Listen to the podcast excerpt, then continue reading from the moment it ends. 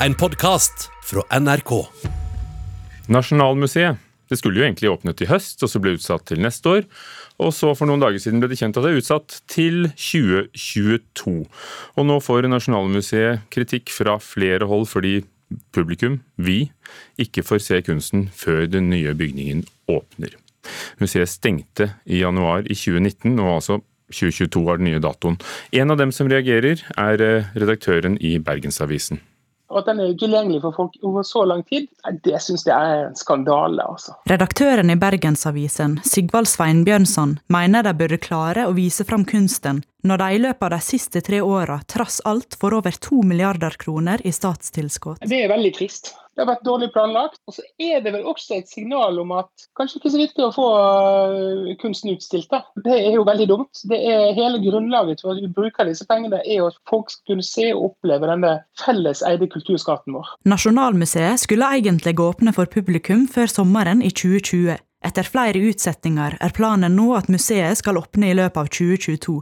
Tidligere direktør for Henny Onsdag, Karin Hellandsjø, mener at de med et budsjett som for neste år er på nærmere 900 millioner kroner, burde klare å vise fram litt kunst. Og jeg syns de bør leie et ledig lokale i byen, og så vise en del av, av samlingen der. Statsbygg har sikkert noe som de kan stille til disposisjon. Og med over 100 000 verk som skal inn i det nye museet, mangler det ikke på kunst å vise fram. De har jo nok skatter å ta, så det at de da åpner seg for publikum, det er jo deres første oppgave. Alt kan løses hvis man vil. Lederen for Nordic Institute of Art, Knut Gjøgodt, mener at den bortgjemte kunsten kan føre til en tapt kulturgenerasjon. Det å ha tilgang på eh, sin kulturarv er jo, vil jeg si, en, en menneskerett i et kulturland. Og i de fleste europeiske land så arbeider man jo aktivt for å formidle kunst, både overfor et allment publikum, men også overfor ungdom. Og vi risikerer jo da å bli stående med et kull som ikke kjenner til sin kulturarv. Hva sier det om oss som sivilisasjon? Han foreslår at vi sender nasjonalskatter som Skrik og Brudefæra i Hardanger på turné, og at museet også burde vurdere å holde utstillinger internasjonalt for å promotere norsk kunst i utlandet. Og jeg kan også minne om at Munchmuseet Munch-museet her i Oslo har holdt åpent i hele denne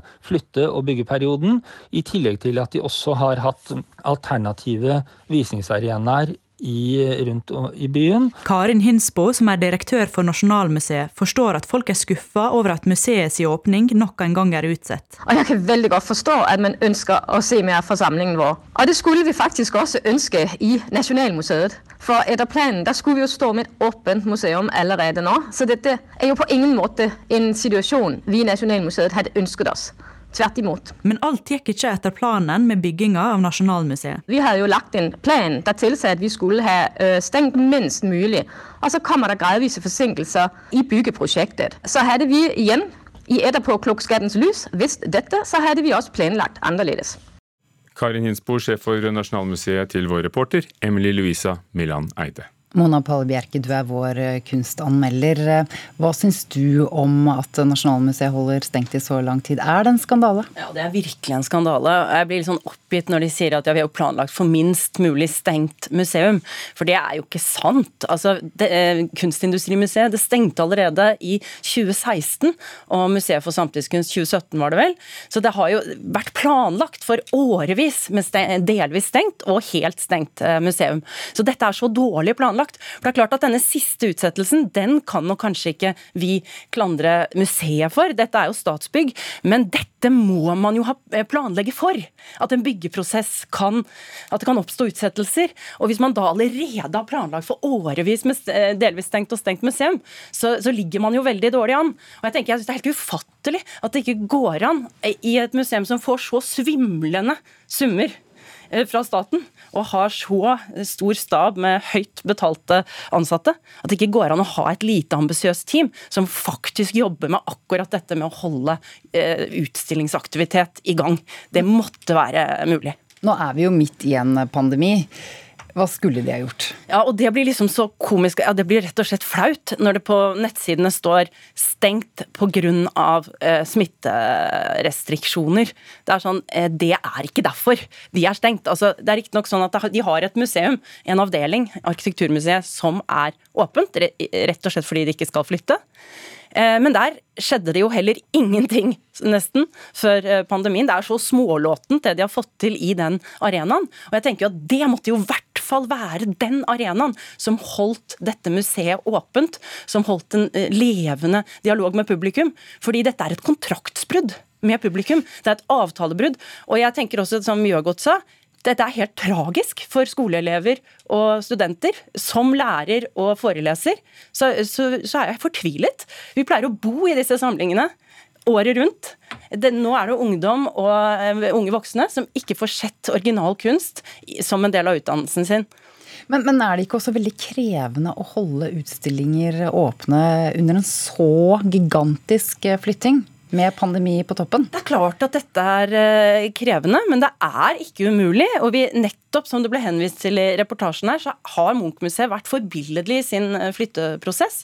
De har planlagt for full aktivitet frem til flytting. Nå ble jo også det litt utsatt, og, men da blir ikke følgende så tragisk for dem. at de har faktisk hatt eh, nesten høyere aktivitet i den perioden de har vært på flyttefot eh, enn tidligere. Med da Munch-museet i bevegelse, de har leid lokaler, de har samarbeidet med, med Kunsthall Oslo og hatt et kjempeflott eh, flytteprosjekt som har gjort at vi liksom har fått sjela med på flyttelasset. Så Hva syns du at Nasjonalmuseet bør gjøre nå, da? Altså, de burde gjøre det de burde gjort for lenge siden. Brette opp ermene, komme i gang sørge for at det er aktivitet. For det er jo det som i hvert fall er en skandale, er at Arkitekturmuseet at ikke vi har liksom hatt en eneste kjempe sånn satsingsutstilling der. Der burde pengene ha vært skyflet inn, og der burde fagkreftene vært skyflet inn for å skape noe ordentlig som opprettholder en, eh, den avtalen man har med publikum. Takk, kunstanmelder her i NRK, Mona Palle Bjerke. Få med sjela videre, ja. Det skal vi prøve her i Nyhetsmorgen nå. En føderal domstol i USA og da handler det ikke om valget, vil ikke behandle søksmålet som den norske Hollywood-journalisten Kjersti Flå har anlagt mot Hollywood Foreign Press Association. Det er organisasjonen som um, de fleste av oss kjenner for å dele ut Golden Globe-prisene. Og kulturreporter Thomas Alvarstein Ove, kan du først minne oss om hva Kjersti Flå saksøkte organisasjonen for? Altså, Hollywood Foreign Press Association, eh, la oss kalle dem HFPA for å gjøre det enkelt, eh, er en organisasjon for utenlandske journalister som jobber med filmbransjen i eh, Los Angeles. Men Kjersti Flå får ikke lov til å bli medlem, til tross for at hun har søkt en rekke ganger. Organisasjonen har 85 medlemmer per i dag, og det er medlemmene som bestemmer om nye kandidater får slippe inn i varmen. Det trengs bare ett medlem til å legge ned veto mot et nytt medlemskap. Og Kjersti Flå er eh, da mm, en norsk journalist som skriver mange steder, har laget reportasjer også for oss i NRK. Eh, hvorfor er dette et eh, problem?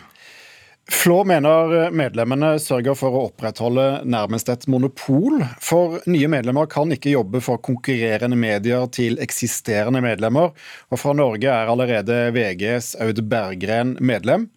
Filmbransjen arrangerer gjerne intervjuer eksklusivt med, mm, for medlemmene av HFPA, og dermed får de enerett til å snakke med en rekke kjendiser.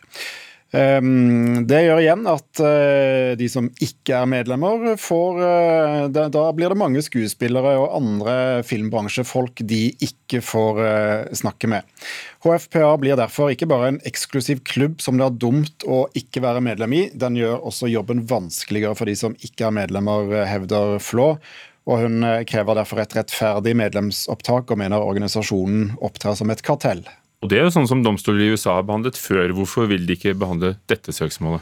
Nå sier domstolen at HFPA eh, ikke kan eh, sammenlignes med en eh, fagforening eller lignende, at de derfor kan operere med akkurat de medlemskriteriene de måtte ønske.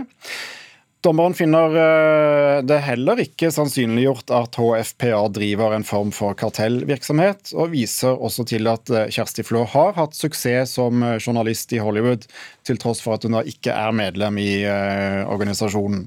Du nevnte at hun har jobbet for oss i NRK, hun har også jobbet for TV 2, Dagbladet og flere andre norske medier. Hva skjer nå? Domstolen gir anledning til å gjøre endringer i dette søksmålet, og, eh, sånn at man kan prøve igjen. Men anklagen om kartellvirksomhet må da bort. Og Kjersti Flås advokat sier til magasinet Variety eh, nå i dag at de kommer til å gjøre de nødvendige endringene som eh, må til, og vil også forfølge saken i en annen rett. Så har vi selvfølgelig forsøkt å få tak i Kjersti Flå nå i morgentimene, men det er eh, sen kveld i eh, USA, så det har vi ikke lyktes med. Takk, Thomas Alvarez. Det er Nove. Jasmine Ward er den eneste kvinnen som har mottatt eh, National Book Award to ganger. Hun er amerikansk, og hun er eh, svart. På norsk finnes fra før eh, de to romanene 'Det som reddes kan' og 'Syng gravløse syng'. Men nå lanseres erindringsboken 'Men vi høstet' fra 2013. Og kritiker Leif Ekle, hva er grunnen til at denne boken kommer hit nå, 13 år etter? Ja, det har vel eh, først og fremst, eh, bortsett fra at det er en god bok, eh, å gjøre med den sommeren vi har bak oss. De store mm, demonstrasjonene, Black Lives Matter osv. Og tanken har nok vært å gi ut noe som kan gi bakgrunn og innsikt og kanskje litt forståelse, og det er utvilsomt en god idé. Amerikansk rasismeproblematikk, altså. Men hva handler boken egentlig om? Ja, dette er Altså, hun har jo stort sett skrevet uh, romaner, uh, og holder vel på og med en fjerde roman, er det vel. Uh, dette er en memoar, eller en erindringsbok, som forlaget kaller det. Hun Jasmine Ward fant seg selv, mens hun drev og skrev på de tidlige bøkene sine, i en situasjon der fem unge menn som sto henne nær, det var én bror blant dem, de døde. Det var dop, det var ulykker, og det var et selvmord. Eh, og det hun skriver om og vil skrive om, er den svarte amerikanske mannens muligheter og levekår, eller mangel på samme. Da. Hvordan beskriver Jasmine Ward eh, rasismen i USA?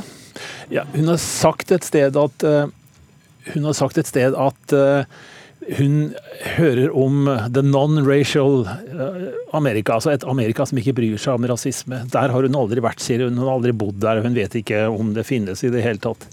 Eh, hun snakker om en individuell rasisme i form av fordommer og personlig diskriminering. Og så snakker hun om systemisk rasisme, som vi har hørt mye om i forbindelse med Black Lives Matter. Og også endemisk, altså en stedbunden rasisme. Og Boka handler da også i stor grad om de amerikanske sørstatene. Om et hat-kjærlighet-forhold til eh, Mississippi og byen hennes Delille, eller Delisle, avhengig av om vi bruker den franske eller eh, engelske uttalen. Mange har jo snakket om systemisk rasisme de siste årene, men hva, hva legger hun i det? Jeg tenkte jeg skulle illustrere det med å lese noen setninger fra boka. Hun eh, forteller selv om den individuelle rasismen hun møtte da hun fikk gå på en privatskole betalt av en av morens eh, arbeidsgivere. Eh, broren Joshua han møtte en annen slags rasisme av systemisk art. Den typen som gjør det vanskelig for skoleadministratorer og lærere å se forbi den lettbeinte sjarmen og de dårlige karakterene og forakten for rigid læring og se mennesket innenfor. Hvorfor forstå hva som vil motivere denne gutten til å lære, hvis han statistisk sett bare er nok en svart ung mann som er skjebnebestemt til å gi opp skolegangen uansett? Altså innebygde holdninger. Takk. Så, ja. Takk, eh, kritiker Leif Ekle. Du har hørt en podkast fra NRK. Hør flere podkaster og din favorittkanal i appen NRK Radio.